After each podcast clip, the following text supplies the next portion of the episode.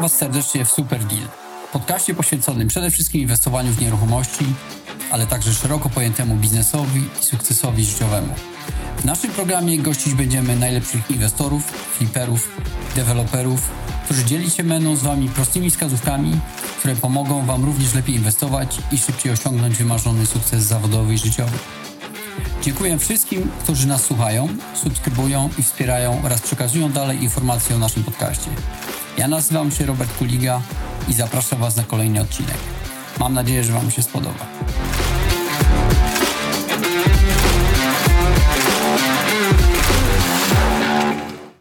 Cześć, witam wszystkich serdecznie. Z tej strony Robert Kulika. Witam Was w kolejnym odcinku podcastu Super Deal. Dzisiaj moim gościem jest Jacek Kubrak. Można powiedzieć, no właśnie. Kolega z, e, z, z, Krakowa też w sumie, bo niedawno miałem e, u mnie też Marka Skałę e, w podcaście, Aha.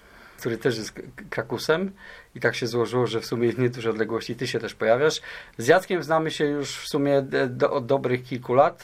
Poznaliśmy się tak naprawdę Ho, ho, ho chyba, i jeszcze. Chyba dzięki w jakimś sensie mieszkańcznikowi, z tego co pamiętam, Tomek Burcon gdzieś mi tutaj tak. zrobił intro do ciebie. No i tak od kilku lat y, w różnym wymiarze się gdzieś tam y, spotykamy, gadamy sobie o różnych tematach i, i geopolitycznych i, i, ogólnie związanych i z nieruchomościami, i z inwestowaniem i, i z giełdą. Ale dzisiaj yy, tak naprawdę zaprosiłem Cię tutaj, żebyśmy trochę porozmawiali właśnie o tym, co, co jest dosyć, można powiedzieć, przynajmniej w ostatnim tym okresie, mm -hmm. od początku roku na ustach wszystkich, czyli oczywiście sztucznej inteligencji. Oczywiście, no sztucznej inteligencji po prostu, bo jest to w jakimś sensie, myślę, wydaje dla większości rzeczy pewne nowum. Yy, I, I, wygląda na to, że żyjemy w czasach ciągłej zmiany, można powiedzieć już, i, i na to trzeba być yy, trzeba być nastawionym, że inaczej nie będzie. E, natomiast trzeba się jakoś do tego wszystkiego przystosować, ustosunkować do tego i pytanie, jak to zrobić, żeby się za bardzo tego, tych, tych zmian nadchodzących nie bać. Ale na początek y, powiedz mhm. może Jacku kilka słów o sobie, czym się zajmujesz. Wiem, że różne ciekawe rzeczy robisz, ale myślę, że ty to wszystko w krótkich, przynajmniej kilku słowach opowiedz. Wiesz co, no generalnie życiem się zajmuję. I, I takie pytanie, czym ja się zajmuję, to jest e, bardzo ogólne, bo poszukuję różnych ciekawych rzeczy, które inspirują mnie do zadawania pytań. Jeżeli zadajesz tak poważne pytanie, to ja odpowiem tak. No, poszukuję odpowiedzi na pytanie, czym jest samoświadomość. E, I z, ze wszystkich pytań, które krążą wokół mnie, dla mnie to jest pytanie ostateczne, więc e, zadając mi pytanie, czym się zajmuję, szukaniem odpowiedzi, czym jest świadomość, samoświadomość, bo też jest bardzo ważna tu różnica między świadomością a samoświadomością i za pomocą tych wszystkich rzeczy, które robię, staram się zbudować pewną gęstość informacji, dzięki której być może uda mi się odpowiedzieć na to pytanie. Mhm. Więc ostatnio e, buduję taki e, model, e, na razie wirtualny, gdzieś tam w czterech komórkach u siebie, polegający na tym, czy samoświadomość można odtworzyć w warunkach komputera opartego na krzemie. I, i, I, zadaję sobie to pytanie i, i coraz niestety smutniejszą odpowiedź zaczynam dostawać, że chyba tak. Jeżeli przyjmie się pewne założenie, pewne pryncypia, E, jeżeli przyjmiemy założenie reaktywne, polegające na tym, że samoświadomość jest reakcją na bodźce z otoczenia, mm, a nie jest takim czymś, co istnieje samo z siebie, niezależne, bez żadnych bodźców i bez żadnego bodźcowania. To jest bardzo trudne, bo nawet jeżeli będziemy w głębokiej pustce i wokół nas nic nie będzie, to będzie bodziec z tej głębokiej pustki. Więc sam element faktu istnienia pustki już jest elementem samoświadomości istnienia w tym czymś, czego w ogóle nie ma, tak? bo pustka to już jest czymś. Tak? Mhm. A więc e, to jest zagadnienie, którym się zajmuję i niestety, i niestety ze smutkiem dochodzę do wniosku, że tu jest ten pewien problem. E, I podążam e, za tą koncepcją samoświadomości opartej na świadom- samoświadomości lokalnej, czyli tej, która jest zawarta między naszymi czterema, e, pięcioma zmysłami a elementem świadomości nielokalnej, która znajduje się poza czasem przestrzeni, a następnie mm, sprzęgnięcia ich ze sobą, czyli zapisywania mm, bieżących strumieni informacji, które cały czas nas, do nas docierają. Oczywiście tych, których odbieramy, bo być może też zapisujemy te, które nie odbieramy. Tego też nie wiemy do końca, nie jesteśmy tego pewni. I zapisywania w tego na jakimś dysku znajdującym się e, poza czasem i przestrzenią, i to w pewnym sensie Ta teoria bardzo pięknie tłumaczy wszelkiego rodzaju religie, istnienie raju i, i, i, i wieczności, jakby to powiedzieć. Więc jak zadałeś mi pytanie, no to jako, że tak, po, mamy to, poważny program, tak. to cię poważnie odpowiem, tak? Dobra. No to miał być krótkie, krótkie intro.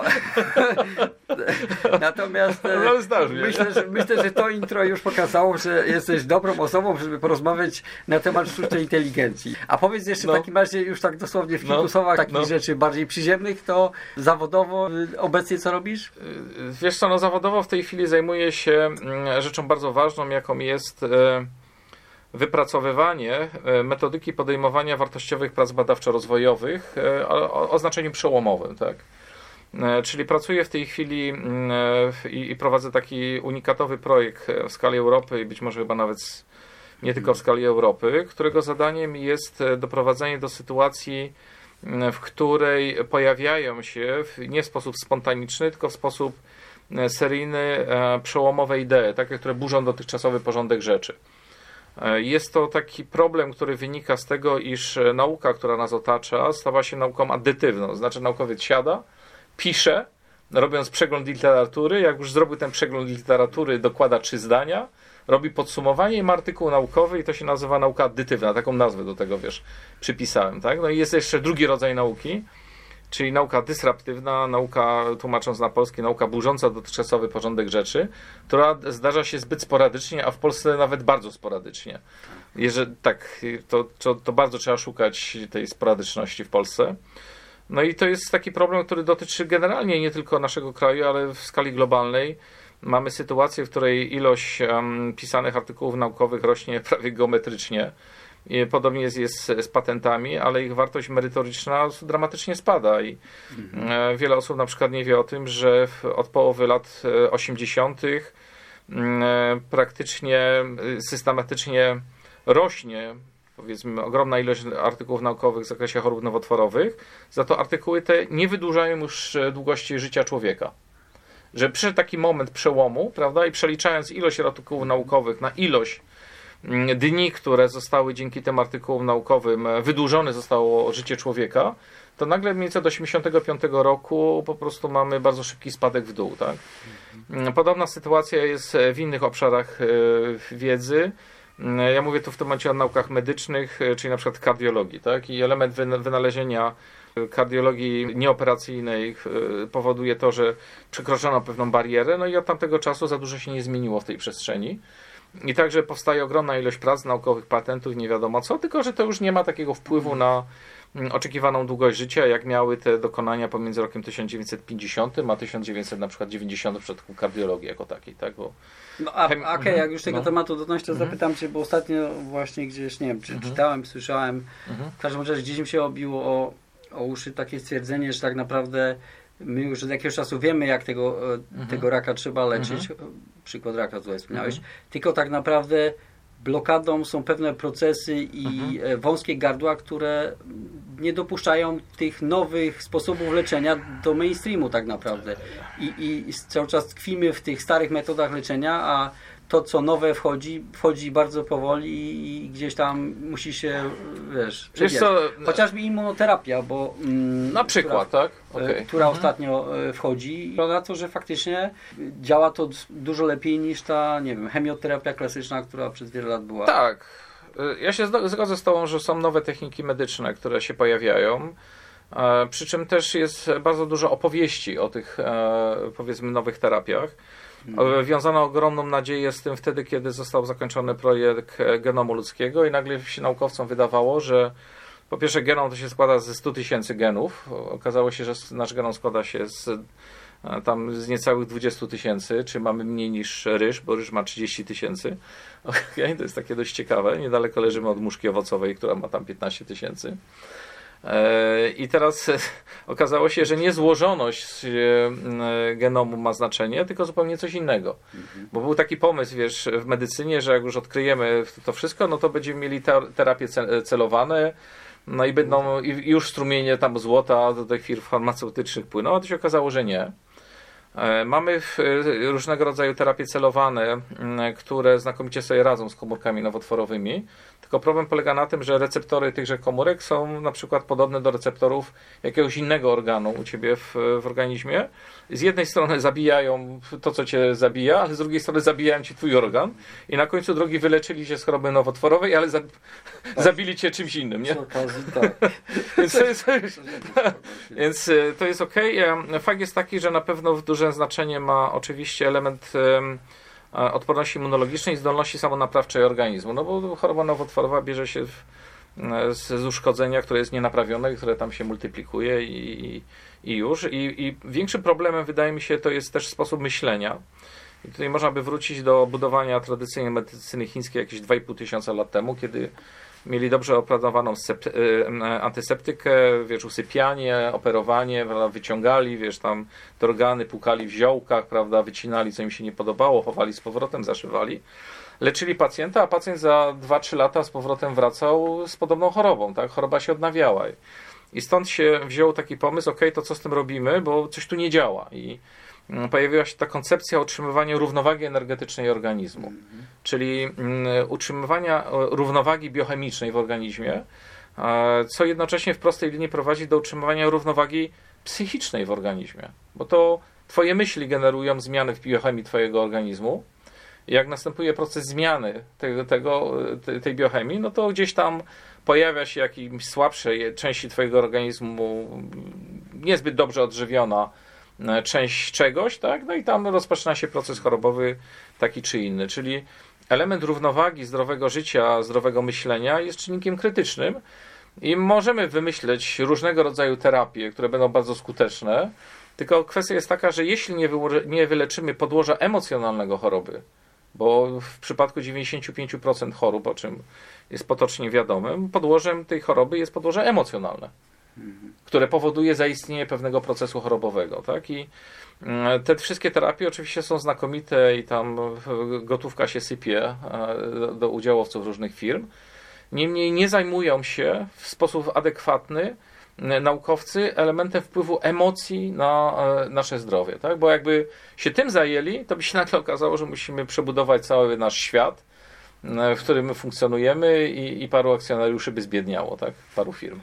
No, na, na, znaczy na pewno element związany z tym, że tutaj powinno iść w kierunku takim, że bardziej mhm. się mobilizuje system odpornościowy niż go niższy, tak jak w przypadku chemioterapii, to jest, to jest na pewno, zgadzam się z Tobą.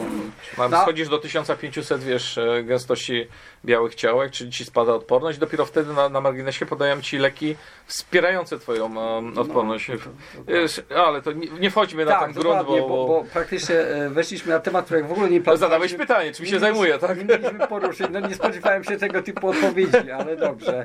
E, przypominam, że to jest podcast o inwestowaniu w nieruchomości i chodziło o to, żeby zapytać Jacka o kwestię, e, jak sztuczna inteligencja może pomóc przeciętnemu e, Polakowi, szarakowi, inwestorowi w tym, żeby stać się lepszym inwestorem, E, czy bardziej dochodowym może bardziej dochodowym, zarabiać no. dzięki temu więcej, no. więcej może na tych nieruchomościach mhm i proponuję, żebyśmy wrócili, do, tego, obszaru, tak. do tego obszaru. Dobra. No właśnie, Jacku, to w takim razie e, powiedz mi, mm, no. czy korzystasz z czata GTP? No pewnie. I rozumiem, że y, przydatny dla jakichś celów y, związanych z tym, co robisz, skoro korzystać, no musi być. Nie, no wiesz, pytanie, czy jest przydatny, to jest pytanie dotyczące wartości jego odpowiedzi, tak? I do, nie zadaliśmy pytania, do czego używam czata GTP, mm. tak? Do tak. testowania czata GTP głównie, tak? Do, do tego go używam. Mm, e, I e, badam przede wszystkim, e, bo to, żeby było jasne, no, dość profesjonalnie do tego podchodzę i badam w tym momencie responsywność tego czata w zależności od struktury promptów, które mu wrzucam, prawda? Czyli każda linia, którą tam wpisujesz, to jest pewnego rodzaju prompt, tak? No i teraz jest pewnego rodzaju zagadnienie, które potrzebuję od niego uzyskać, no i patrzę w tym momencie, co się dzieje, jak go inaczej zapromptuję, tak? Mhm. Jaka jest rozbieżność pomiędzy odpowiedziami, na ile w tym momencie to, co mm, dostajemy z tego czata GTP trójki czy czwórki, jeżeli to się tam e, wrzuca kasę, mm, e, jest adekwatną rzeczą, e, a nie ładnie brzmiącą rzeczą, tak? Czyli mhm. adekwatną, merytoryczną odpowiedzią. Mm, czyli mm, widzę po, prostu kluczową, krytyczną kwestię, że jak posadzimy tutaj 12 osób i każda dostaniemy, te, rzucimy im temat i każda z nich inaczej zbuduje strukturę zapytania, dostanie inną odpowiedź. A więc można zadać pytanie, jaka jest wartość merytoryczna czata GTPT, który na to samo pytanie zadane, tylko inaczej zapromptowane, inaczej opisane za pomocą innej gramatyki, stylu innych słów, daje czasami zupełnie różne inne odpowiedzi. I to jest bardzo ważne. Mhm. A więc e, czy odpowiedź czata GPT może być odpowiedzią merytoryczną? To jest w pewnym sensie taka sytuacja, jak siedzę przy stoliku i prowadzę tam rozmowę na temat zastosowania sztucznej inteligencji w procesach e, przemysłowych Mm, e, no i adwersarz właśnie mówi o tym, jak jest zachwycony i jak mu się bardzo to podoba. Mm, e, I jak chce zastosować w tym momencie czata GPT do sterowania procesami produkcyjnymi, bo on tak mądrze mówi. A ja zadaję pytanie, jaka jest, jaki jest poziom krytyczny tych procesów w skali 0-10. No 10, tak? Mm, e, no i zacząłem wtedy rozmawiać na temat bardzo ważnego elementu danych, na podstawie których jest podejmowana decyzja. I zadaję proste pytanie. Powiedz mi, jak czat ma Ci odpowiedzieć poprawnie na Twoje procesy produkcyjne, zagadnienia związane z Twoimi procesami produkcyjnymi, e, jeśli nie ma danych o Twoich specyficznych procesach produkcyjnych?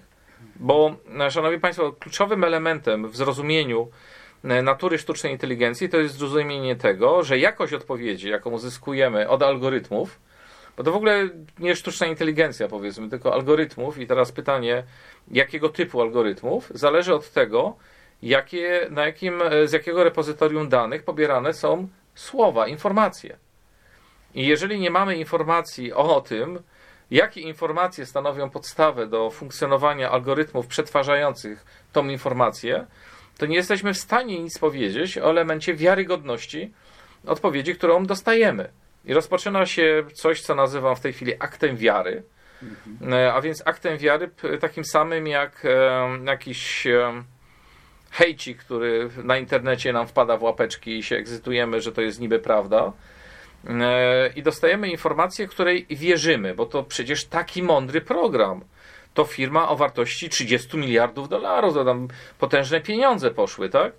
To no znaczy... ale już wiemy, że te odpowiedzi często są błędne i nawet można... Co to znaczy błędne? No w sensie niezgodne z rzeczywistością, tak? Z tym, co... Tak, z którą rzeczywistością? Podałeś... Ale którą rzeczywistością są rozbieżne? No podałeś, rozmawialiśmy troszkę wcześniej Aha. o przykładzie e, patentów, prawda? Jasne, ale popatrz, ale one zgodne są z rzeczywistością, która jest opisana tym zbiorem danych, na których pracują te algorytmy.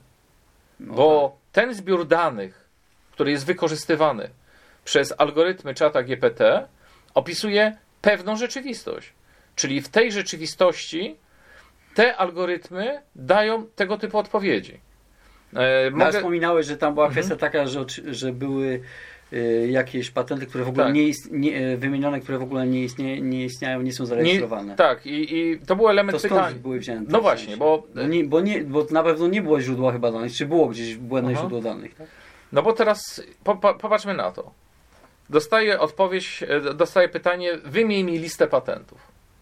No to jak e, dostaje pytanie, lista patentów, to co on robi pierwsze? No układa strukturę odpowiedzi, którą potem zaczyna wypełniać treścią, gdzie każda przestrzeń e, tej treści jest zapełniona słowem, którego pozycja tam jest określona na podstawie prawdopodobieństwa tego, jak ono pasuje do danego miejsca. Czyli jeżeli masz na przykład słowo masło, to masz zestaw słów, które są najbardziej prawdopodobne, które występują zazwyczaj w zdaniach po słowie masło. Prawda? Czyli dajmy na przykład masło, woda, masło miękkie, tak? No, no, no, to, to, jakie słowo najczęściej będzie występowało? No będzie masło miękkie, tak? I, I takie słowo zostanie wrzucone i teraz czat i cała, cała ta kwestia polega na tym, że on cały czas przelicza z jednej strony prawdopodobieństwo tego, jakie słowo powinno wystąpić z tego, czego został nauczony po danym słowie, w danym kontekście, bo to też jest bardzo ważne, prawda? Czyli mamy kontekst patentu, czyli on powinien być opisany w taki a taki sposób, prawda? I on w tym momencie patrzy, jak zadajesz mu temat, znajdź mi patenty na mm, powiedzmy kłódkę, tak? Okay? No to on patrzy kłódka, tak? I buduje atrybuty, tej, tej, z czego się składa słowo kłódka, z jakich składowych jako takich. No i zestawi ci zestaw po prostu e, patentów amerykańskich na kłódkę, które w ogóle nie istnieją, tylko że on będzie wpisywał dane, tak, żeby to wyglądało tak, iż struktura informacyjna opisu tego patentu jest zgodna z tym, jak powinna ona wyglądać w tym, co został nauczony. Tak? Okay. Okay? Ale to nie ma nic wspólnego z, z tą rzeczywistością, w której my funkcjonujemy. To jest oparte na rzeczywistości opisywanej przez repozytorium danych, z których z, zaciąga informacje do wypełnienia pewnego kontekstu. Tak? Mhm. Okej. Okay. Czyli no, rozumiem, że, o ile dobrze to oczywiście rozumiem, że mhm. jak gdyby możliwość, yy, czy wiarygodność yy, tym momencie zweryfikowanie wiarygodności źródeł tych danych jest, jest ciężkie albo praktycznie żadne dla, dla przeciętnego użytkownika, żeby mógł to zweryfikować. A jeszcze zapytam tak z mhm. ciekawości, ty korzystasz no. z płatnej czy z bezpłatnej wersji czata GTP? To, bo to się różni czymś w sensie chyba zakresem właśnie dostępnością danych, tak? W sensie, że ta wersja e, płatna ma... bardziej e, powiedzmy, że w wersji 4.0 zostały poprawione atrybuty takie, że dostarcza mniej błędów. Okej. Okay. Okay? Czwórka dostarcza mniej błędów. Mhm ale ze względu na ogromne przyrosty informacyjne nie sądzę, żeby tam następowały duże zmiany w bazie danych. Jakieś dane nowe dorzuca. Mm, więc każdy, kto pracuje na czwórce, to proszę zapytać, na jakim zbiorze danych jest wytrenowany i dostanie bieżącą informację, bo to tam się cały czas zmienia. Tak? Mhm. E, no dobrze, to mhm. na takim poziomie ogólnym rozmawiamy na ten temat. E, chciałbym trochę dotknąć e, no. tematu związanego właśnie może bardziej z nieruchomościami, z inwestowaniem. Czy w tym obszarze tutaj widzisz jakieś potencjalne e, możliwości czy korzyści już na tym etapie do zastosowania sztucznej inteligencji? Wiem, że jeden z Twoich projektów. Był, jestem związany, tak? Jest związany, tak? Mhm. Bo pamiętam, tak. Że, że nie wiem, czy, czy tutaj może sam powiedz, czego on dotyczył, ale pamiętam, że, że mhm. wspominałeś mi, że też e, związany jest ze sztuczną inteligencją, czyli rozumiem, że pewien potencjał widzisz, bo byś się nie angażował w projekt, który, który y, do niczego nikomu się nie może przydać, ale i nie będzie wiarygodny też, prawda? Właśnie Powiedz, to jest... jakiego typu właśnie pojawiły się przeszkody w przypadku tego projektu, bo on jest związany z nieruchomością. Tak, no na właśnie problemy z bazą danych. E, I to jest taki mm, krytyczny element. Ja generalnie przede wszystkim nie lubię używać słowa sztuczna inteligencja, bo to nie ma nic wspólnego z inteligencją. Te algorytmy, które są nazywane sztuczną inteligencją, budują nam pewnego rodzaju takie, taką strukturę pojęciową, że mamy do czynienia z czymś osobowym. Bo sztuczna inteligencja jest e, czymś personifikowanym, tak jak tam e, bierzecie, dzwonicie do jakiegoś banku i tam ktoś mówi, cześć, jestem Janek, tak, i e, jestem botem sztucznej inteligencji, albo na przykład piszę wam jakieś inne aplikacje, słuchaj, tu Johnek, prawda, bądź dla mnie miły i sympatyczny, bo wiesz, ja się dopiero uczę i nie wkurzaj się, a więc mamy do czynienia z sytuacją bardzo ważną, polegającą na tym, że w naszą przestrzeń wprowadza się w tej chwili osobowość, tak? pewien obiekt e, posiadający cechy osobowe. Jak e, to kiedyś powiedziałem, tak jak w 1872 roku wprowadzono pojęcie osoby prawnej w postaci korporacji, która nabyła praw i, i, i ma prawa funkcjonowania jako byt jako taki, mhm. tak w tej chwili buduje się u nas istotę bytu, nazwanego sztuczną inteligencją, która nie ma nic wspólnego z inteligencją. E, między innymi dlaczego? Dlatego, że sztuczna inteligencja nakarmiona nie wiadomo jakimi danymi nie wymyśli. Załóżmy, że mamy wszystkie dane dostępne do momentu powstania fizyki kwantowej, tak? Wszystkie dane dotyczące fizyki newtonowskiej, E, i fizyki e, opracowanej przez Einsteina teorii względności, ogólnej teorii względności. Tak? Wszystkie dane mamy. Mamy najbardziej wyjebne algorytmy, jakie są tylko możliwe, powiedzmy, tak? -hmm. Ale fizyki kwantowej jeszcze nie ma. To sztuczna inteligencja tej fizyki kwantowej nie wymyśli. Czyli tym samym e, można powiedzieć tak, inteligencja to jest, mm, jest wiele definicji inteligencji, ale jeden z taka prosta mówi o tym, że to jest umiejętność, zdolność wykorzystywania posiadanej wiedzy, tak? Że to jest szybkość przetwarzania tej wiedzy, a więc szybkość dojścia do rozwiązania. I zdolność do radzenia sobie z nowymi sytuacjami. I ten element kreacji, kreatywności, tworzenia czegoś nowego, czego nie ma, to ja powiem tak. Jeżeli to jest takie zaje narzędzie, jak wszyscy mówią, że jest takie zaje, to znaczy, że kar, nakarmy go danymi i on nam stworzy fizykę ciemnej i czarnej materii A ja wam odpowiem, sztuczna inteligencja nie stworzy fizyki czarn- ciemnej e, e, czy czarnej materii, czarnej energii, tak? Nie da rady.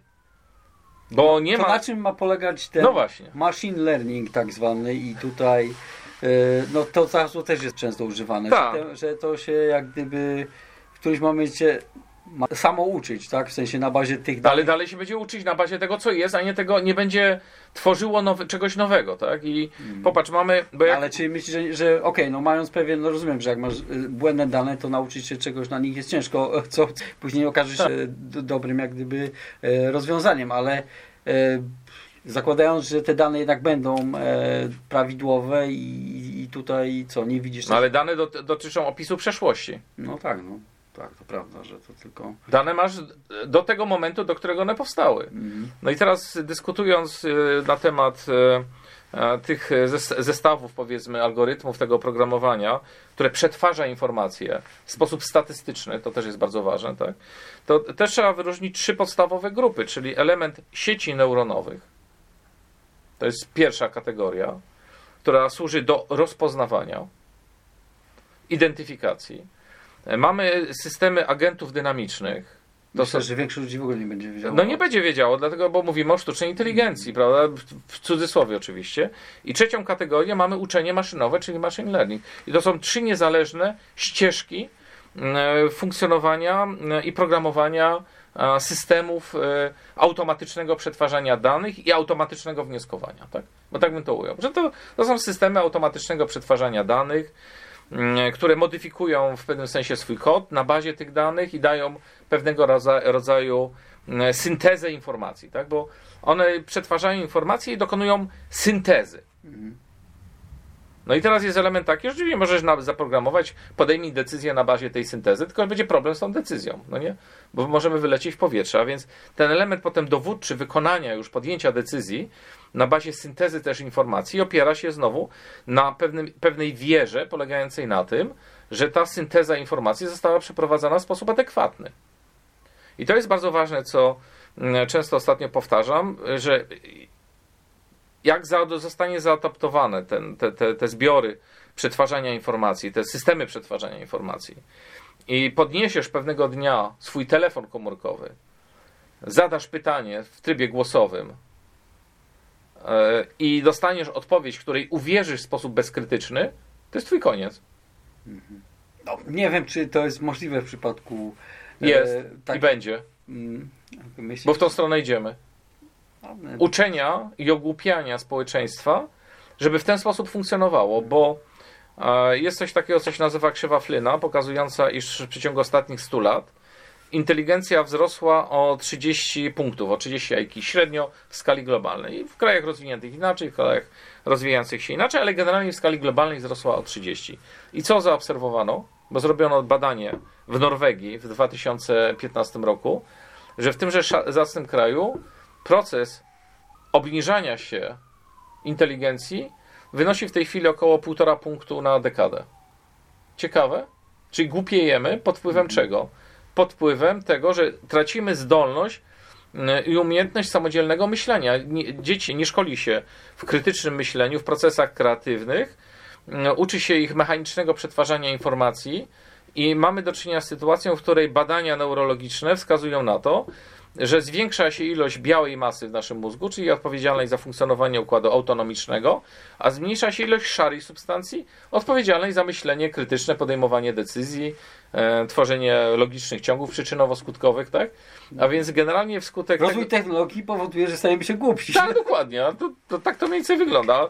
Okej, więc y, po- poczytajcie sobie na temat krzywej Flyna i, i, ciekawe, i będzie ciekawie. ciekawe no. jak to pójdzie No. e, dalej faktycznie, jeżeli e, ta, ten rozwój, bo rozwój technologii jest jak gdyby nieprzerwany, ciągły i raczej go nie zatrzymamy. Pytanie, jak w takim razie z wielorazem inteligencji, czy to będzie dalej spadało? Em, Czy- Znaczy ja osobiście uważam, że świat się będzie dzielił na pewną kategorię osób, u których będzie rosło i rozwijało się, które będą utrzymywały pewną higienę e, i drugą część świata, która podzieli się po prostu na masę tabulety, jak to często nazywam, m, dla której, no, która będzie żyła w trybie 3S. No, Nie będę tłumaczył, co to jest 3S, bo zachowam tutaj szacunek dla Państwa uszu, tak? Okay.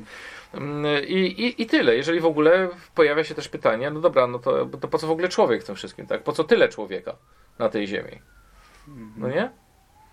No to na ile uważasz, że y, umiejętność w jakimś sensie zaadoptowania tego, co, co będzie mhm. Y, niosła sztuczna, no, ja używam cały czas tego słowa, sztuczna inteligencja. Używajmy, tak? Bo, bo okay, nie dobra, chcę no. jak gdyby już tu mieszać za bardzo, ale Aha. na ile to spowoduje, że ci, którzy zaczną w jakiś sposób korzystać z tego, będzie taki jak gdyby rozłam. Będzie część ludzi, którzy w ogóle powiedzą, w ogóle ja się już tym jestem za stary, mnie to w ogóle kompletnie nie interesuje i nie chcę w jakikolwiek sposób mhm. z tego korzystać e, i już zostaną mm, po prostu na tym etapie, no a są tacy, którzy w jakiś sposób będą chcieli to jednak zaadoptować do, do różnych ja nie mówię już do takich jakichś bardzo e, rzeczy, które są zaawansowane, ale do powiedzmy prostych, codziennych rzeczy, które, które dzięki temu mogą zostać przyspieszone, dzięki temu, że, e, że, że będą korzystać z tego, tak? Do tego, żeby mm, zaadoptować to, bo to jest użyteczne narzędzie, żeby było jasne, tak? Mm, przy czym e, do tego, żeby go zaadoptować, potrzebujemy zmienić cały proces, cały łańcuch wartości, według którego funkcjonujemy. Czyli zmienić między innymi proces edukacyjny. E, nauczyć i uświadomić tego, jak to działa i jak z tego korzystać.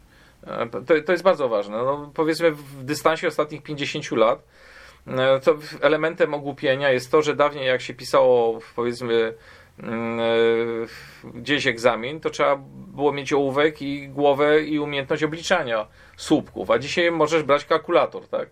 Więc to pokazuje pewien element zmiany, która trwa po kilkadziesiąt lat, a więc pojawia się pytanie, jak ta zmiana będzie następowała w, w kolejnych 50 latach e, pod wpływem takich e, demagogów jak Noah Harari, który opowiada różne niestworzone historie i słucham go z coraz większym, że tak powiem, zainteresowaniem. Patrząc w jaki sposób jego e, wypowiedzi są lansowane i w jaki sposób jest budowana jego reputacja, jak jest ustawiony proces marketingowania jego osoby, to jest bardzo ciekawe i jego opowiadania o, o informacji, o wszechświecie złożonym z informacji i mm, o dat dataizmie, czyli nowej religii związanej z tym, że mm, e, ci, którzy produkują więcej informacji, powinni mieć większe znaczenie w społeczeństwie, czyli właśnie ci oligarchowie technologiczni, bo oni dużo produkują informacji, to oni powinni stać na szczycie tej piramidy, prawda? A ci, co produkują te informacje mniej, to powinni tak trochę niżej być. To są wszystko bardzo ciekawe takie kwestie, które się pojawiają. E, w, w, tym, co, z czym mamy dzisiaj do czynienia, czyli z formowaniem świata na nowo, tak? Formowaniem świata na nowo. E, tylko zawsze jak e, zadaję pytanie, Właśnie, jaka jest funkcja, jaka, jaka jest funkcja celu i jaki, jaki jest jej wynik, tak? Bo no bo, no. Szczerze, bo faktycznie no. się tu z, z Tobą zgodzę w 100%, że ja też, ja jeszcze jak chodziłem do mhm. szkoły średniej i i na studiach, no to jak mieliśmy test, to trzeba było, było pytanie i trzeba było napisać odpowiedź. A teraz z tego co widzę coraz częściej jest tak, że jest E, jest pytanie, ale poniżej jest kilka odpowiedzi, tylko Ta. trzeba wybrać prawidłową, więc Ta. E, już, już to w jakiś sposób też. E, no i czat GPT ci odpowie, bo on z większym prawdopodobieństwem określi, no. jaka jest prawidłowa struktura następstw słów w tym ciągu, potem zweryfikuje cały ciąg, ułoży logikę stylistyczną, gramatyczną i rzeczową i dostaniesz ładnie brzmiące zdanie i, i ono będzie pasowało, bo ktoś, kto myśli w określony sposób, to w podobny sposób mhm. przetwarza informacje i układa struktury słów, które są ciągiem przyczynowo-skutkowym, czyli to też jest bardzo ważne. Ciąg przyczynowo-skutkowy. Zdanie jest ciągiem przyczynowo-skutkowym, tak? Mhm. No, czyli z jednej no. strony mamy coś takiego, czyli tak mhm. naprawdę upraszczanie i wydaje mi się, że ba bardziej mhm. E, znaczy edukowanie w taki go, znaczy gorszy czy nie gorszy, no inny sposób niż jeszcze my byliśmy edukowani, ja, ja tak. chociażby. Ja tam jestem może 70 któryś, także powiedzmy, e, nie wiem, może się teraz pozmieniało troszkę. Natomiast drugiej mamy jednak no. E, nowinki technologiczne, e, procesory mieszczące się w, w telefonach i no. ktoś to robi, prawda? Ktoś, ktoś ma tą wiedzę na ten, na ten temat, żeby coś takiego stworzyć w ogóle. Naprawdę?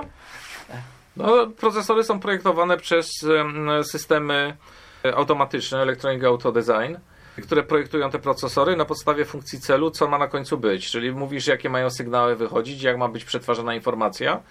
A systemy EDA po prostu automatycznie projektują i w tej wojnie procesorowej między Stanami a Chinami największy problem polega na tym, że Chińczycy nie mają systemów, tylko one są pod kontrolą Amerykanów, prawda? Mhm. Więc to, że oni sobie tam zrobią litografię jednonanometrową, to, to nie ma żadnego znaczenia, bo nie mają oprogramowania i są tutaj mm, kilkadziesiąt lat do tyłu, bo te systemy się tworzyły prawie 50 lat. Okay. Oni mogą oczywiście przyspieszyć proces, bo tam ich mnoga jest ludzi i posadzą x razy więcej, więc powiedzmy, że mają dystans 5 do 10 lat do tego, żeby takie systemy stworzyć. Dopiero wtedy będą mogli wejść na rynek i konkurować z tymi najbardziej zaawansowanymi e, technologiami, ale sądzę, że Amerykanie za 10 lat to oni będą jeszcze w innym miejscu i to będzie taka... Oni też nie będą to będzie, tak, dokładnie. Chodźcie chłopaki, żeby, zabraliśmy wam po to, żebyście czekali, aczkolwiek wiesz, no, e, z punktu widzenia tego, że świat składa się ze zmienności i, i patrząc na głupotę w, w, w że tak powiem, e, człowieka jako takiego w swojej naturze, mm, to człowiek świetnie funkcjonuje w sytuacjach konfliktowych, tak? bo w sytuacjach pokoju to gnuśnieje, tak? E, ok, obrasta tłuszczykiem i, i, i, nie wie, co ze sobą zrobić. A jak przychodzi sytuacja zagrożenia, to nagle uwalniane są niego pokłady twórcze, kreatywne, walki o przetrwanie i nagle powstają cuda rzeczy, tak? tak.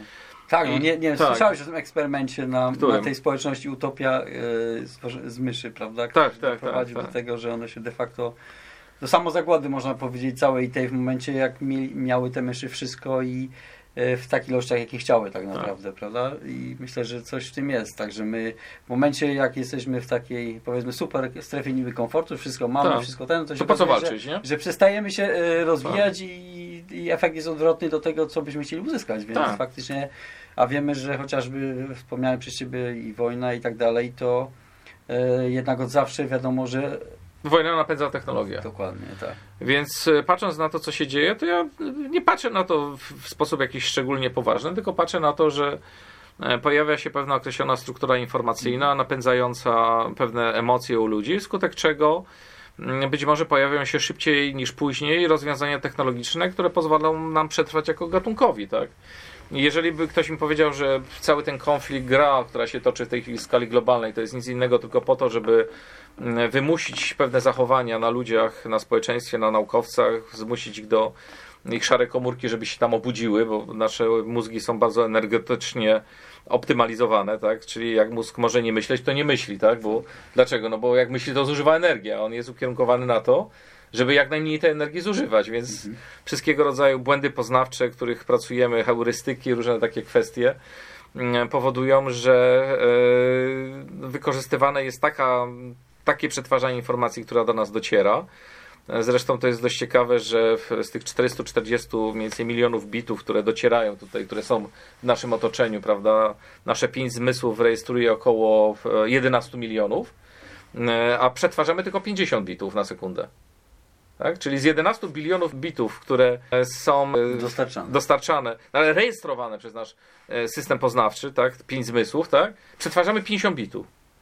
I rekonstruujemy rzeczywistość wokół nas w oparciu o informacje o tych 50 bitach. Dlatego rozmawiając w ogóle o tym całym zagadnieniu, to ciekawe mogę podać taką, takie dwa takie ciekawe przesłanki. Po pierwsze, Szanowni Państwo, pomyślcie o tym, że to, co widzicie, to jest obraz poskładany ze wszystkiego, co widzieliście w ciągu minionych 15 sekund.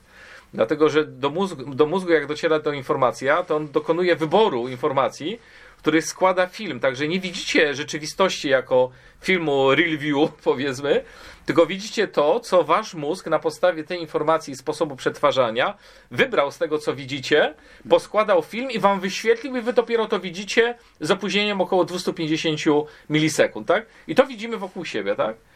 Wskutek treningu, powiedzmy, piloci samolotów bojowych tam mają skrócony czas, powiedzmy, reakcji do około 125 milisekund.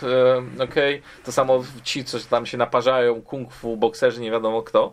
ok, ale my widzimy rzeczywistość wyświetlaną na naszym wewnętrznym ekranie, przetworzoną przez nas mózg w ten sposób. Dlaczego? No bo jakbyśmy widzieli rzeczywistość w czasie rzeczywistym, to byśmy widzieli smugi światła. Więc jest wypracowany mechanizm, który powoduje, żebyśmy widzieli rzeczywistość w kształt. No. prawda, panie, żeby widziały kształtnych panów, a panowie, żeby widzieli kształtne panie, prawda, to wypracowany mechanizm jest składanie obrazu z ostatnich 15 sekund. Ja Tak? pamiętam, w jakiejś prezentacji pokazywałeś takie zdjęcie i tam było coś na temat, co widzisz na tym zdjęciu. Pan. O kocie było, czy, a nie, to było co innego, nie, nie. Nie, co nie było. Wiem, to było o takim, ro- o pszczole, tak? Chy- Chyba tak, już też nie do końca pamiętam, ale wiem, że właśnie to o to chyba. To właśnie było to, pokazywałem błędy poznawcze, które powodują, że przetwarzamy tą rzeczywistość i, i, i, i, Mm, i, i błąd No. poznawczy. Powiem tak, patrzę, muszę niestety kontrolować czas, wiem, że mamy ograniczony, także chciałbym chociaż e, dotknąć tematu związanego, bo jesteś Dobra, też. e, dotknijmy. Jesteś też, jesteś też inwestorem. e, Chwilowo nie jestem, bo projekt, który prowadzę, zakazuje mi inwestowania. Tak? Tak? Więc ale, ale już niedługo wrócę z powrotem. Mam krótką przerwę, więc Nie, czy w, a w nieruchomości?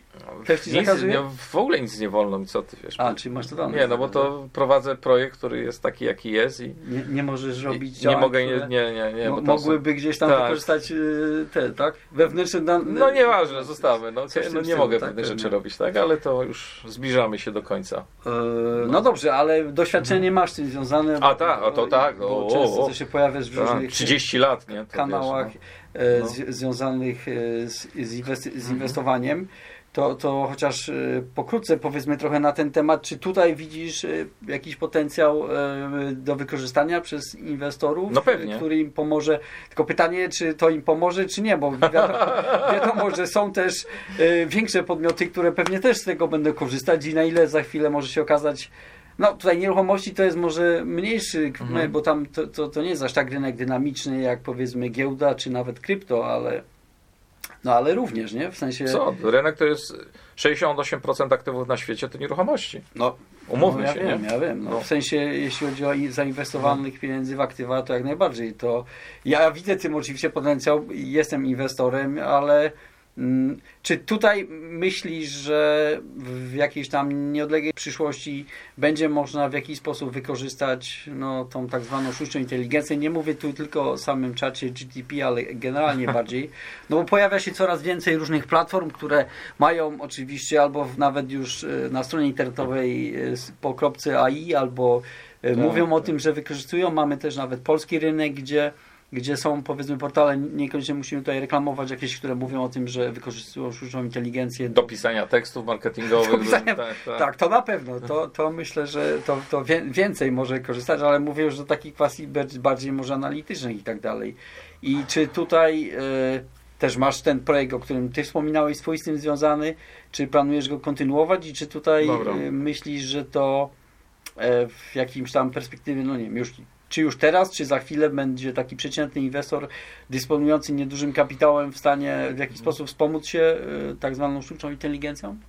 To znaczy tak, wiesz, no na pewno czata można wykorzystywać do pisania tekstów i powiedzmy wyjdzie to większości ludzi, ludziom dużo lepiej niż to, co robią teraz, zważywszy na ich płynność e, w umiejętnościach e, pisania w języku polskim, a jednocześnie mogą próbować sprzedawać tą nieruchomość, czy też kupować, bo mogą sobie tłumaczyć za pomocą takiego czata, czy też innych rozwiązań opartych o sztuczną inteligencję na innych rynkach, prawda? Czyli element polegający na mm, przetwarzaniu informacji pod kątem jej opracowywania, czyli dokonywania syntezy jako takiej, czyli tam zrobisz sobie bulgotek w paru tam buletach na tematy nieruchomości, którą masz i każesz mu to napisać, tam zapromptujesz go odpowiednio, to on ci napisze tekst, jakiego ty byś nie napisał, tak? A jeszcze jak tam parę razy sobie przeiterujesz, to dostaniesz odpowiedź już w ogóle e, zaje, ok? A więc z punktu widzenia takich prostych rzeczy jak najbardziej. I tutaj pierwszym podstawowym zagrożeniem to jest dla marketingowców, osób piszących copywriting, bo w tej przestrzeni to rzeczywiście mm, budowanie na podstawie doświadczeń, prawdopodobieństw, y, promptowania z punktu widzenia tam dodania emocji Y na przykład do tego tekstu, a więc zwróć uwagę na to, że takie a takie słowa wymień na słowa, które bardziej są adekwatne do e, emocji Y, prawda? I możesz popracować nad tym tekstem i dostaniesz rzeczywiście taki tekst, że wow. E, I, to jest rzecz, którą można rekomendować, że tak powiem, z mańki. E, Druga kwestia to jest kwestia, którą powiedziałeś, czyli wycen, e, wycen nieruchomości. Tak? Było wiele firm, które próbowały robić ten numer i Zillow, amerykańska firma, która tam kiedyś zapłaciła milion dolarów za nowy algorytm wyceny nieruchomości i prowadziła tam w ramach swojej grupy kapitałowej przez jedną spółkę skup nieruchomości z rynku, wywaliła się. Tak? Strani, stracili kupę pieniędzy, zostali z ręką mhm, na nieruchomościach, dlatego że e, problem e, właśnie repozytorium danych dotyczących transakcji, pomimo tego, że mieli te transakcje na bieżąco, prawda, i czerpali bogatymi krociami z tych transakcji, które były prowadzone za pośrednictwem ich portalu mm, informacyjnego, okazały się nieadekwatne właśnie w kontekście tym, który wspomniałem wcześniej. Czyli one były do, dobre do dzisiaj, ale w momencie, kiedy nas, nastąpiła szybka zmiana rynku, wynikająca z podwyższenia stóp procentowych, to one nie zareagowały. Że zmiany wskaźnika inflacji, algorytmy nie, za, nie zareagowały, bo nie byłeś w stanie, bo po pierwsze, nawet jakbyś uzupełnił repozytorium danych w, w trybie czasu rzeczywistego, co jest praktycznie niemożliwe, tak? to jeszcze musisz tą inteligencję wytrenować w tych nowych danych. Czyli musisz dokonać retrening na podstawie tego, co było i tego, co dodałeś. Prawda? Dlaczego? Dlatego, że element zmiany, dodania nowej struktury informacyjnej kompletnie zmienia odpowiedź. To jest tak jak w tej grupie, powiedzmy, 12, którą bym posadził, inny element promptowania daje inny, inną e, strukturę odpowiedzi. No i wywalili się na tym. A więc e, kwestia e, wyceny nieruchomości z punktu widzenia w tym momencie nawet takiej ogólnej wyceny, w momencie kiedy proces zjawiska powiedzmy dyspersji, rozpraszania się gospodarki w tej chwili, fragmentacji procesów, które tam zachodzą na, na różnych głębokich poziomach, prawda, zmiany, że tak powiem, natury Mm, konsumenckiej, natury nabywczej, profilów psychologicznych. Te wszystkie rzeczy one się zmieniają, co tym samym powoduje, że większa część tych danych z przeszłości jest nieadekwatna do dokowania wyceny dzisiaj. Bo ona jest oparta na wzorcach, które wynikały z innej rzeczywistości, czyli słowa, które używali ludzie do opisywania, tak, w komunikatach, w tym wszystkim, wynikały z tego, że oni pisali je w innej rzeczywistości, w wyniku innych emocji, którym byli poddawani, Wskutek tego dzisiaj używają innych struktur informacyjnych, a więc tym samym e, budując w tym momencie struktury kontekstowe, wyceny na podstawie przetwarzania języka naturalnego, dostajesz nieadekwatną odpowiedź. To samo w przypadku wyceny. Jeżeli masz trend, który ci idzie, prawda, w jakiś sposób, ale ten trend nie jest opisany w postaci funkcji mm, celu, bo trendu nie jesteś w stanie opisać za pomocą zmiennych, bo tam jest za dużo tego wszystkiego i tej komponenty emocjonalnej nie odpiszesz w trendzie a trend zazwyczaj jest kształtowany przez emocje, a nie fundamenty. I to emocje załamują trend i emocje go budują. A emocje wynikają z informacji, która wokół się tego krąży. Czyli fundamenty mogą być mocne i zdrowe, ale w momencie, kiedy pojawi się panika rynkowa, tak jak pojawiła się na, ostatnio na bankach prawda, w Stanach Zjednoczonych, powoduje, że nagle trend jest, e, okazuje się trendem fałszywym, ulega załamaniu Twoje algo tego nie przewidziało i co możesz dostarczyć? No, w krótkim horyzoncie może coś, ale w krótkim horyzoncie niespecjalnie. I tutaj taki case właśnie mi się e, nasunął, jak, jak dyskutowaliśmy przed programem, prawda? Wyobraźcie sobie, szanowni państwo, apartamentowiec na Florydzie, nie? Ma sobie tam powiedzmy 30 parę pięter, tak? Piękny budynek, fantastyczny. No i teraz przychodzicie i patrzycie, że jedno mieszkanie kosztuje milion, drugie 3, a trzecie 5 milionów dolarów. Na tym samym piętrze. No i teraz pojawia się pytanie, dlaczego? Z czego to może wynikać? I oczywiście przerysowywuję kontekst po to, żeby Państwu mhm. pokazać, tak? No i teraz pytanie jest, czy mm, algorytm sztucznej inteligencji jest w stanie oszacować, dlaczego w tym konkretnym budynku, na tym konkretnym piętrze, te konkretne apartamenty mają taką inną cenę.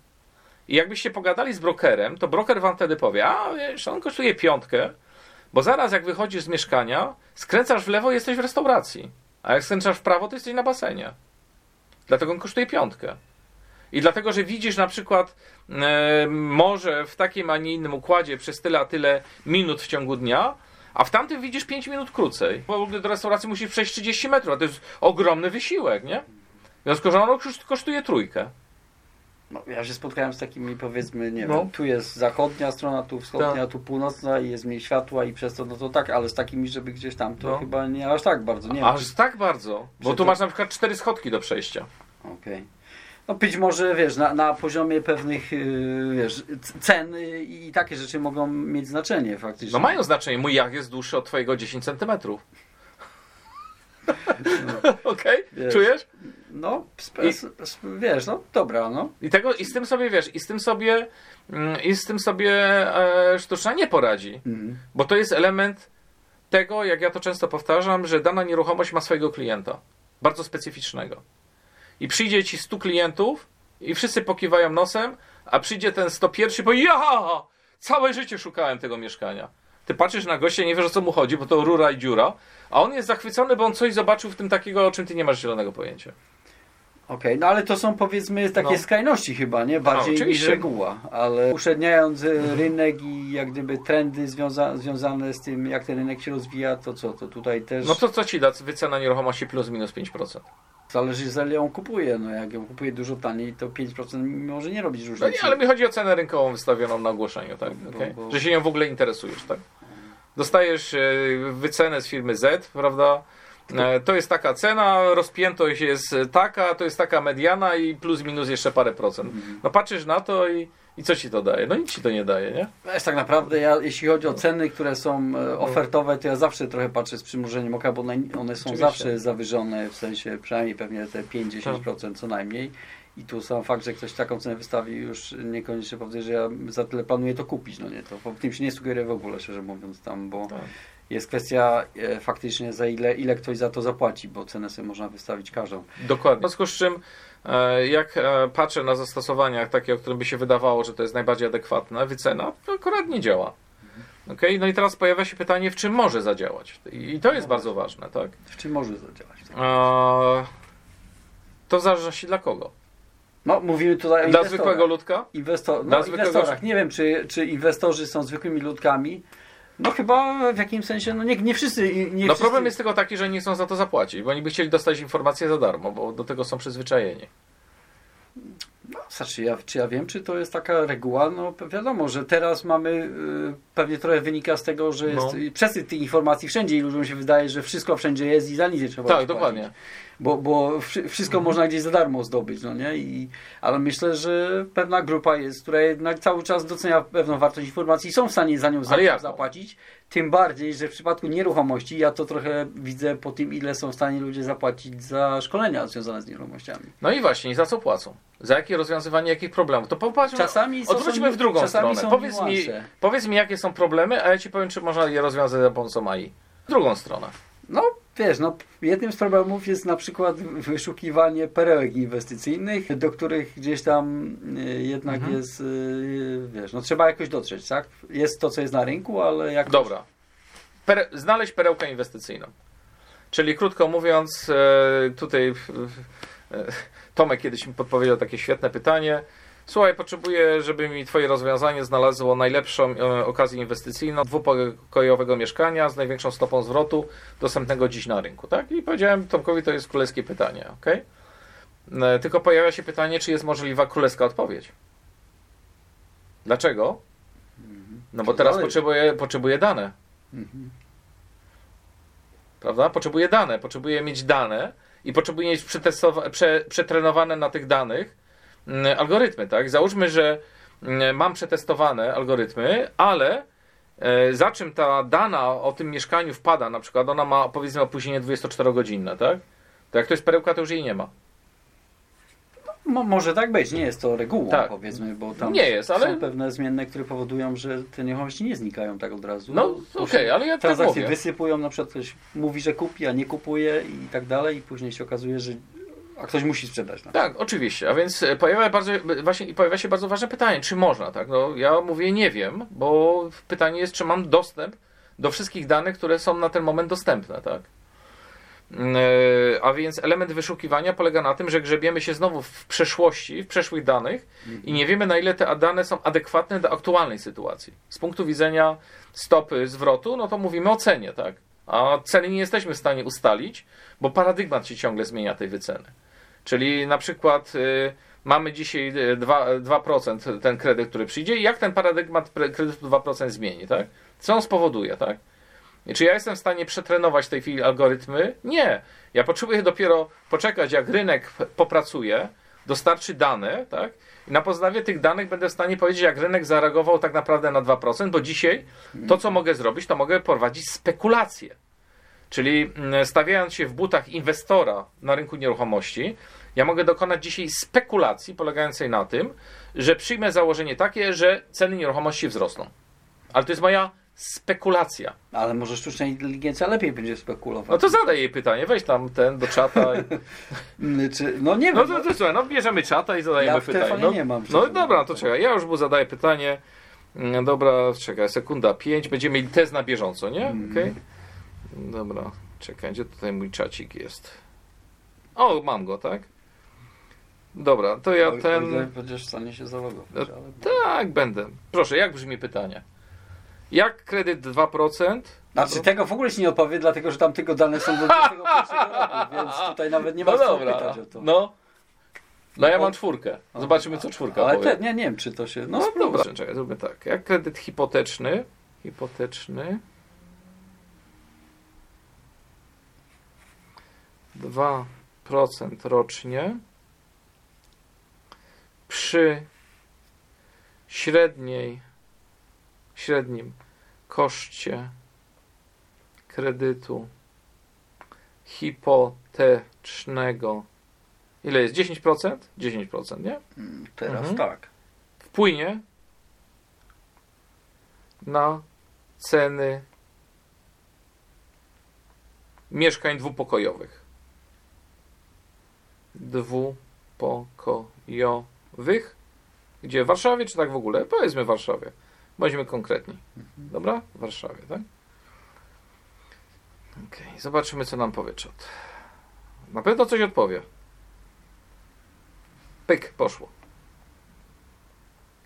Powiedz, że nie może się wypowiedzieć, bo... Nie, odpowiada. Zaraz, zaraz przeczytam, tak. Tylko teraz pojawia się pytanie, na ile jako inwestor uwierzysz w to, co on ci pisze, a na ile zbudujesz sobie swój prywatny scenariusz spekulacyjny związany z twoimi informacjami. Dużo pisze, widziałeś? No to Okej. pisze, pisze, ale No, nic nie napisał, że nie ma danych, bo się... Nie, nie, nie napisał ty. No właśnie, napisał co? Kredyt hipoteczny o stopie 2% rocznie jest znacznie niższy od średniego kosztu kredytu hipotecznego wynoszącego 10%. Taki kredyt hipoteczny o niższej stopie procentowej przyciągnąłby większą liczbę osób zainteresowanych kupnem mieszkań dwupokojowych w Warszawie. Zwiększone zainteresowanie nabywców mogłoby doprowadzić, mogłoby doprowadzić do wzrostu popytu na tego rodzaju nieruchomości. Jeżeli popyt na mieszkania dwupokojowe w Warszawie wzrósłby, a podaż nie zostałaby odpowiednio zwiększona, to mogłoby to doprowadzić do wzrostu cen. Ostateczny wpływ na ceny mieszkań dwupokojowych zależy od wielu czynników, takich jak podaż, popyt, sytuacja gospodarcza, sytuacja na rynku nieruchomości itp. Należy jednak pamiętać, że to tylko hipotetyczne założenie dotyczące obniżenia stopy procentowej kredytu hipotecznego. Rzeczywiste ceny mieszkań i ich zmiany są wynikiem wielu czynników i mogą być trudne do przewidzenia. Prawda? Czyli na końcu mówi tak, ale tak naprawdę to trudno to w ogóle przewidzieć. Bo ja na przykład zadam takie pytanie, widzisz, jako spekulant, prawda? Przy stopie procentowej 2% i założeniu takim, że kupuję to mieszkanie w, długim w dłuższym horyzoncie czasu, żeby na nim zarobić, tak? To ja patrzę na to z tej perspektywy, czy ja na nim zarobię. Tak? On mówi, że wzrośnie cena. No dobra, no, a na pewno wzrośnie. Bo cena nie może wzrosnąć powyżej pewnego poziomu e, stopy zwrotu wynikającej z tego, ile możesz dostać z najmu. I dla mnie element w tym momencie szacowania, jak wpłynie, to jest element wzięcia czynnika. Jaka jest stopa zastępowalności polegająca na tym, że pokolenie tam lat 30. odchodzi w tej chwili, tak? Tylko, Ile- tylko że przerwę, bo ty, to było pytanie na dużym poziomie ogólności. To nie będzie tak, że wszyscy będą mieli ten kredyt dostępny. Dobra, ale, ale wiesz, chodzi o to, wiesz, że jest jedna rzecz bardzo ważna. On nie dopytuje się o dane dodatkowe. No tak, no nie do, faktycznie nie dopytał, a wiesz, no, No. ale być może to faktycznie my powinniśmy mu doprecyzować, w sensie więcej danych podać e, z tego rynku, bo, No, bo wiemy już parę rzeczy, że, w sensie o tym, że, że wiesz, że tylko pewne osoby będą mogły ten, ten kredyt Tak. uzyskać i na określoną, Tak. określony okres też będzie ten kredyt preferencyjny, ale z drugiej strony już widać e, ruch na rynku, e, pomimo tego, że, że program wchodzi bodajże dopiero w lipcu, a już wiadomo, że ceny zaczęły iść w górę e, e, między innymi z powodu tego, że się Mhm. pojawił e, dla, dla deweloperów perspektywa, Mhm. że będą mogli to upłynnić szybciej, nie? tak, dokładnie. Więc, e, więc tutaj... Okej, no to powiedzmy mamy jakiś przykład, jest godzina siedem- 17, Okej. więc tutaj mam pewne ograniczenia czasowe Dobra. związane z tym. Rozumiem, że czas nam się praktycznie skończył. e, się zastanawiam, jak to spuentować. No, nie poruszyliśmy wszystkich tematów, które planowałem poruszyć, ale myślę, że, e, że, że niektóre rzeczy są ciekawe w sensie takim, że ludzie może otworzy się pewne, pewne gdzieś tam furtka, Mhm. jeśli chodzi o, o temat.